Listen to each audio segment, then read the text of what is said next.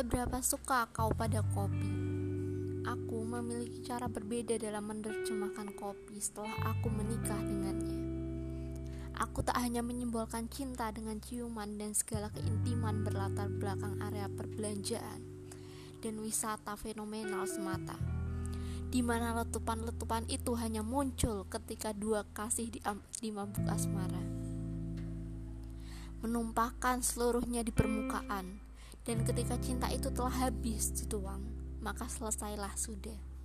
Namun, secangkir kopi, ia menemanimu menjelajahi hati pasangan layaknya sebuah kastil, mengeja aksara yang dipahat pada temboknya, tajub dengan bola-bola kristal yang menjuntai di balik tatapannya, bangga memandang kubah-kubah harapan yang menjulang.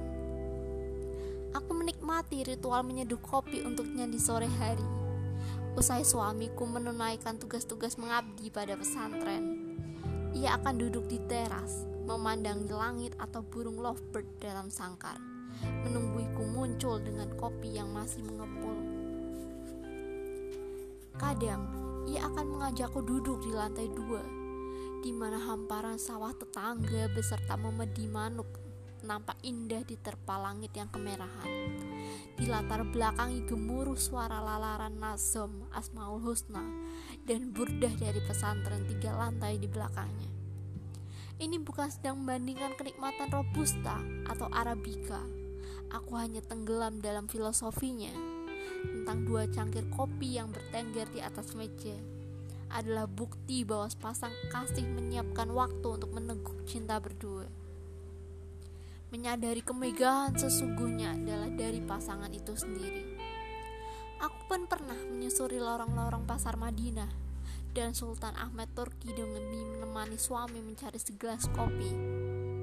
Lalu berbicara dengan bangga pada barista kafe itu bahwa programmer James Gosling dan Patrick Norton memberi nama Java karena terkesan dengan kopi tubruk khas Jawa. Salah satu kopi paling nikmat di dunia.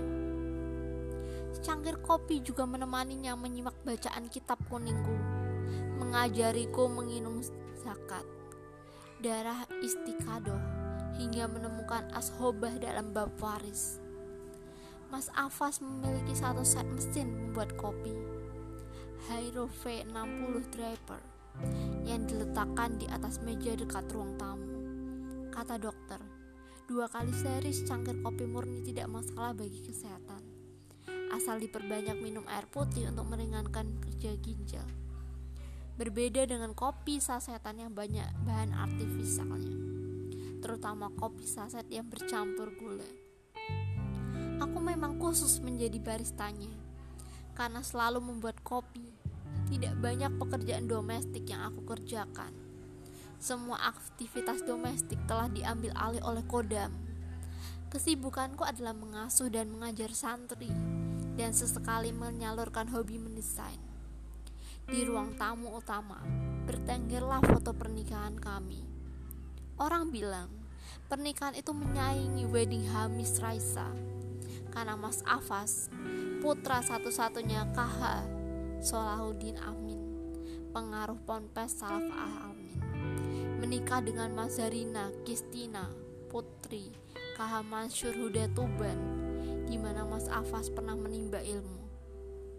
Di masa lalu aku adalah perempuan pencinta seni yang terbungkus di balik jiwa-jiwa pesantren salaf yang menghabiskan waktu belajar di pesantren orang tua sendiri dengan nilai-nilai yang memuaskan.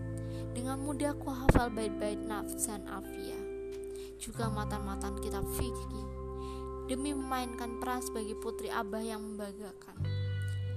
Karena berhasil memainkan peran itu, Abah memenuhi impianku untuk kuliah di Yogyakarta dengan ijazah muadalah dari pesantren kami. Aku mengambil kuliah pada Fakultas Ushuluddin dan Pemikiran Islam UIN Sunan Kalijaga. Dalam masa-masa kuliah itu, aku dapat merealisasikan hobiku yang lain untuk mencicipi dunia fashion. Di Gilberta School, yang mempertemukan aku dengan seorang desainer muda, Juan Harvey Natalegawa. Namun mengenal dunia fashion dan laki inilah alasan Abah dan Umik mulai membatasi pergaulanku. Hingga muncullah keputusan perjodohan itu. Masih ku ingat pertemuan pertama kami di Bandara Adi Sucipto saat menjemput Abah sepulang umroh. Mas Farhan mengiringku untuk duduk pada kursi yang berderet di sepanjang kedai di muka bandara. Tak biasanya kakakku membiarkan aku duduk satu meja dengan laki yang bukan mahram. Dan bahkan membuka cerita tentang siapa laki itu tanpa aku tanya. Bahwa dia juga sedang menunggu abahnya yang umroh satu rombongan dengan abahku. Bahwa dia juga alumni pesantren abah lima tahun yang lalu. Dan dia juga putra dari kiai besar Imam Afas Bernamix namanya kata Mas Farhan lagi dan lagi tanpa aku bertanya dan menanggapi dengan serius lelaki itu memang tampak familiar tapi aku lupa pernah bertemu di mana Dulu alumni Al-Huda, terus kuliah di Al-Ahaf. Jadi maklum kalau wajahnya mencorong kayak Habib. Tambah Mas Farhan yang segera dijauhi lengannya. Kulirik lelaki bertinggi 175 cm dengan style yang metroseksual. Namun outfitnya adalah sarung. Dengan wajah kebulatan dan hidung mancung. Senyumnya memamerkan geligi yang putih dan rapi dengan kelopak mata yang lebar dan sendu mirip Toby Maguire. Dan sebenarnya aku familiar dengan wajah itu. Ia menungkupkan kedua tangan di dadanya, tersenyum simpul. Sugeng Nikmaze, gumamnya begitu sopan. Semerbak bau parfumnya menguar beradu dengan aroma vanili dalam donat yang Mas Farhan hidangkan untukku dan dirinya. Pangestune, jawabku Kiko. Saat itu aku mulai merasa pertemuan itu adalah rekayasa. Bagaimana mungkin Mas Farhan meninggalkan kami berdua dengan dalih pergi ke toilet? Yang sebelumnya ia sempat membelikan dua botol fresh tea. Sementara pesawat yang bawa rombongan Abah belum juga landing. Kami berdua seperti insan yang tengah kencan berlatar belakang bandara. Dengan teh dingin dan cuel kue Yumi. Jadi, jenengan kuliah di Jogja sekarang? Tanyanya keheranan. Aku mengangguk.